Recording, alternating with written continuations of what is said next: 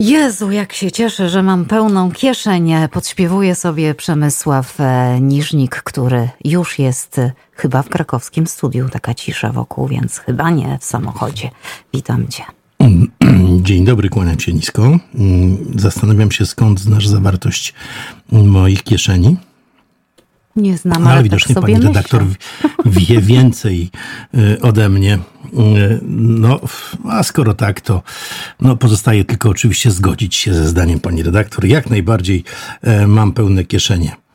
E, odsyłam do piosenki Ziemowita Kosmowskiego, o tym mówiące. Ziemowit Kosmowski, gdyby Państwo nie pamiętali, to legenda łódzkiej mm, sceny rockowej od lat wczesnych 80. do dzisiaj, ciągle w świetnej formie. Pozdrawiamy Ziemka, gdyby nas słuchał przez przypadek. Proszę Państwa, poniedziałek to taki dzień, który niektórzy nazywają szewskim, inni mówią, nie, to się w poniedziałki to się nic nie dzieje, przecież to weekend był przed chwilą, a tymczasem bywają też poniedziałki, które można jakoś określić, więc dzisiaj nazwiemy poniedziałek decyzyjnym. Na czym polega e, ta decyzyjność? Trzy ważne decyzje zostały podjęte. Pierwsza z nich to decyzja włocławskiego Anwilu o wznowieniu produkcji nawozów. Niby nic, ale jakże ważna dla całej Polski. E, I tylko pytanie, czy na pewno Anvil podjął taką decyzję? Wydaje się, że jednak nie, bo jest to spółka całkowicie zależna od Orlenu, a więc decyzję podjął mm, Daniel Obajtek, który nic nie może, a za to, za to bardzo się stara. I dziś już e, mówi się o tym, że jego decyzja nie jest decyzją gospodarczą, bo z punktu widzenia gospodarczego to po prostu mogiła, natomiast jest decyzją stricte polityczną. Dlaczego tak? Już mówię. Otóż e, w poniedziałek e, e, w ubiegłym tygodniu Anvil razem z grupą Azoty poinformowały o czasowym wstrzymaniu produkcji. Produkcji nawozów co mają nawozy wspólnego z innymi działami gospodarki, informuje, że przy okazji produkcji nawozów głównie azotowych pozyskuje się CO2, czyli dwutlenek węgla taki nieoczyszczony, podobno taki, taki naturalny CO2. I on jest bardzo potrzebny. On jest potrzebny, jak Państwo wiecie, w wielu gałęziach gospodarki, od y, farmaceutyki mm, przez y, cały przemysł spożywczy. Nie byłoby mm, dobrego, świeżego mięsa, nie byłoby mleka, no a z punktu widzenia panów z wydatnym brzuszkiem, również mówiącego do państwa te słowa, nie byłoby piwa, bo nie byłoby CO2, dwutlenku węgla. Tymczasem obie firmy wstrzymały mm, produkcję, uzasadniając te decyzje nadzwyczajnym i bezprecedensowym wzrostem cen gazu ziemnego. I w ten sposób e, blady strach padł na wszystkich producentów w Polsce. Zagrożone stały się produkcje tego, o czym przed chwilą Państwu wspomniałem. No i zrobiło się nieciekawie, zwłaszcza mm, po tych wszystkich ostatnich mm, sondażach, z których wynika, że mm, tak zwana Zjednoczona Prawica słabnie bardzo, bardzo i za chwilę może stracić e, wszystko, czytaj władzę, na rzecz zjednoczonej, miejmy nadzieję, opozycji, która na razie jeszcze nie wie, czy się zjednoczy, ale wszystko na to wskazuje, że jeśli tego nie zrobi, to nigdy nie odzyska, nie przejmie władzy, a to mogłoby z kolei oznaczać, że e, no, będzie to strzał, nawet już nie w kolano, boję się powiedzieć w co. E, wracając do tej decyzji, w związku z tym dziś trzeba było podjąć szybką decyzję polityczną. I rzeczywiście taką decyzję polityczną e, podjął Daniel Obajtek, a liści trzeba dodać, że z punktu widzenia gospodarczego e, jest to mordowanie firmy Anvil, dlatego że mm, ceny, w których będzie Anvil mógł sprzedawać e, te, e, te, ten dwutlenek węgla i, e, i wszystkie nawozy, no, nie mogą być cenami wprost skorelowanymi z cenami surowców, a głównie gazu, który jest im do produkcji potrzebny, bo wtedy nikogo nie byłoby na to stać. Nie wyobrażam sobie kupowania piwa na przykład w cenie 30 zł za butelkę.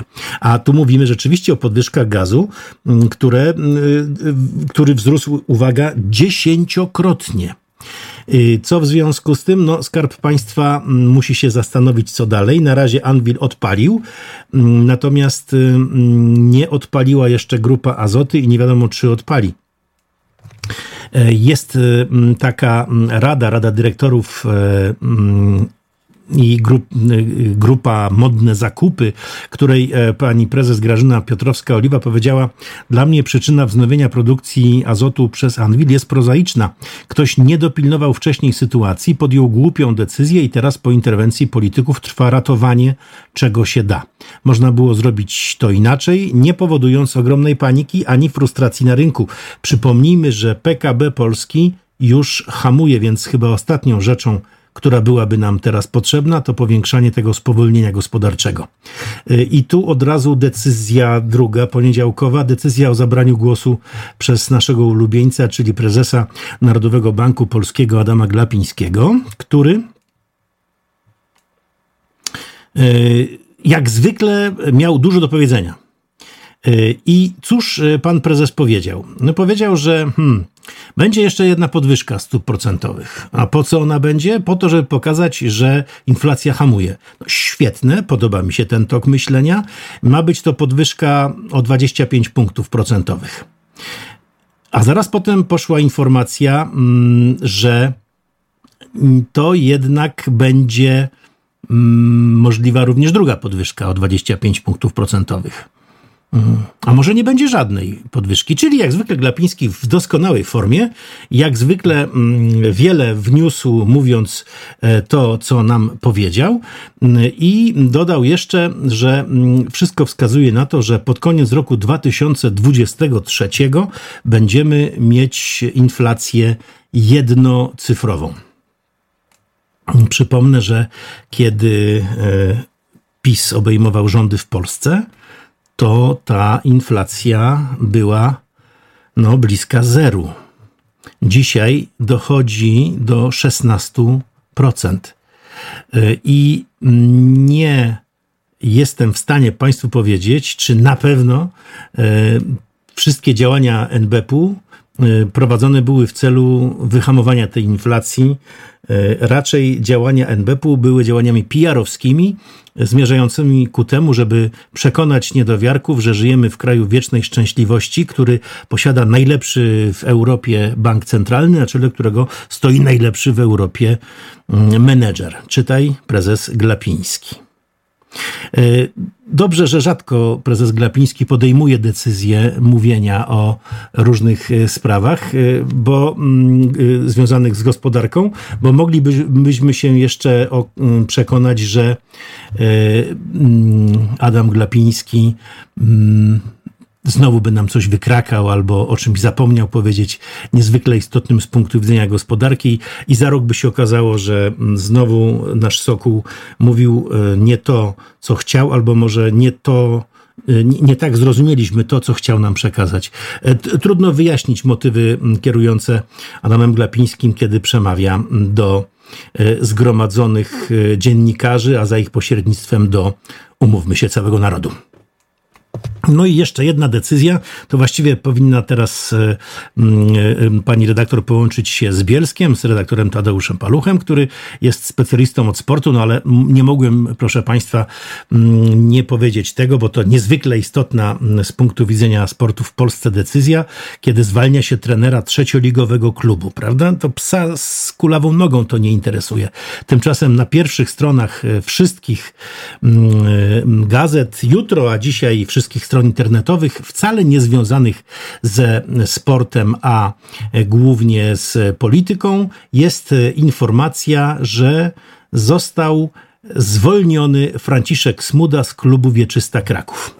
To teraz po kolei usystematyzujmy. Co to jest klub Wieczysta Kraków? To jest klub, który przejął mm, jeden z najbogatszych biznesmenów Krakowa, pan Kwiecień, Wojciech Kwiecień, bo jest ich dwóch braci, którzy zarządzają dwiema ogromnymi sieciami aptek i pieniądze zarobione w ten sposób e, pan Wojciech lubi przeznaczać na wspieranie sportu.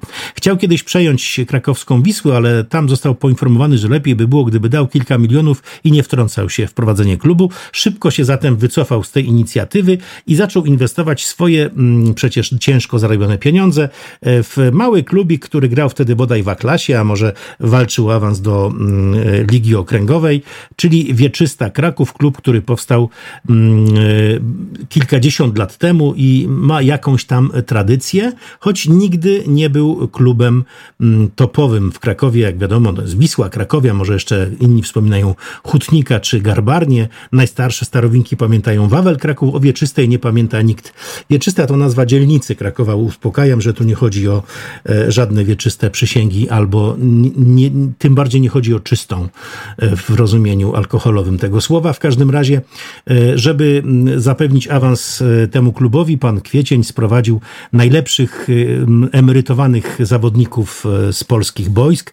Jest kilku byłych, wielokrotnych reprezentantów Polski ze Sławomirem Peszko na czele, jest Majewski, Madejski, jest Kibo Moulin z Legii Warszawa, kiedyś bardzo dobry zawodnik. Słowem, naprawdę jest to taka paczka, mm, o której zwykło się mawiać, że nawet moja teściowa mogłaby ich poprowadzić i wygrają wszystkie mecze.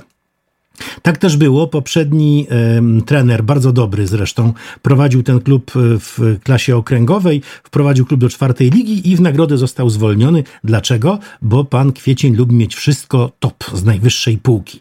Więc już nie wystarczyło mu to, że ma zawodników, którym płaci po kilkadziesiąt tysięcy złotych miesięcznie. Przypominam, to jeszcze była czwarta liga czyli amatorzy tak naprawdę, e, bo dopiero poziom centralny zaczyna się od drugiej ligi, e, ściągnął z emerytury, nie wiemy po co, Franciszka Smudę, tak, tak, tego słynnego Franciszka Smudę, czyli byłego trenera kadry narodowej, ale również e, Widzewa Łódź, Wisły Kraków, który zdobywał z tymi klubami i Mistrzostwo Polski i wprowadził Widzew do Ligi Mistrzów i chwała mu za to, ale było to wszystko 25 lat temu mniej więcej więcej.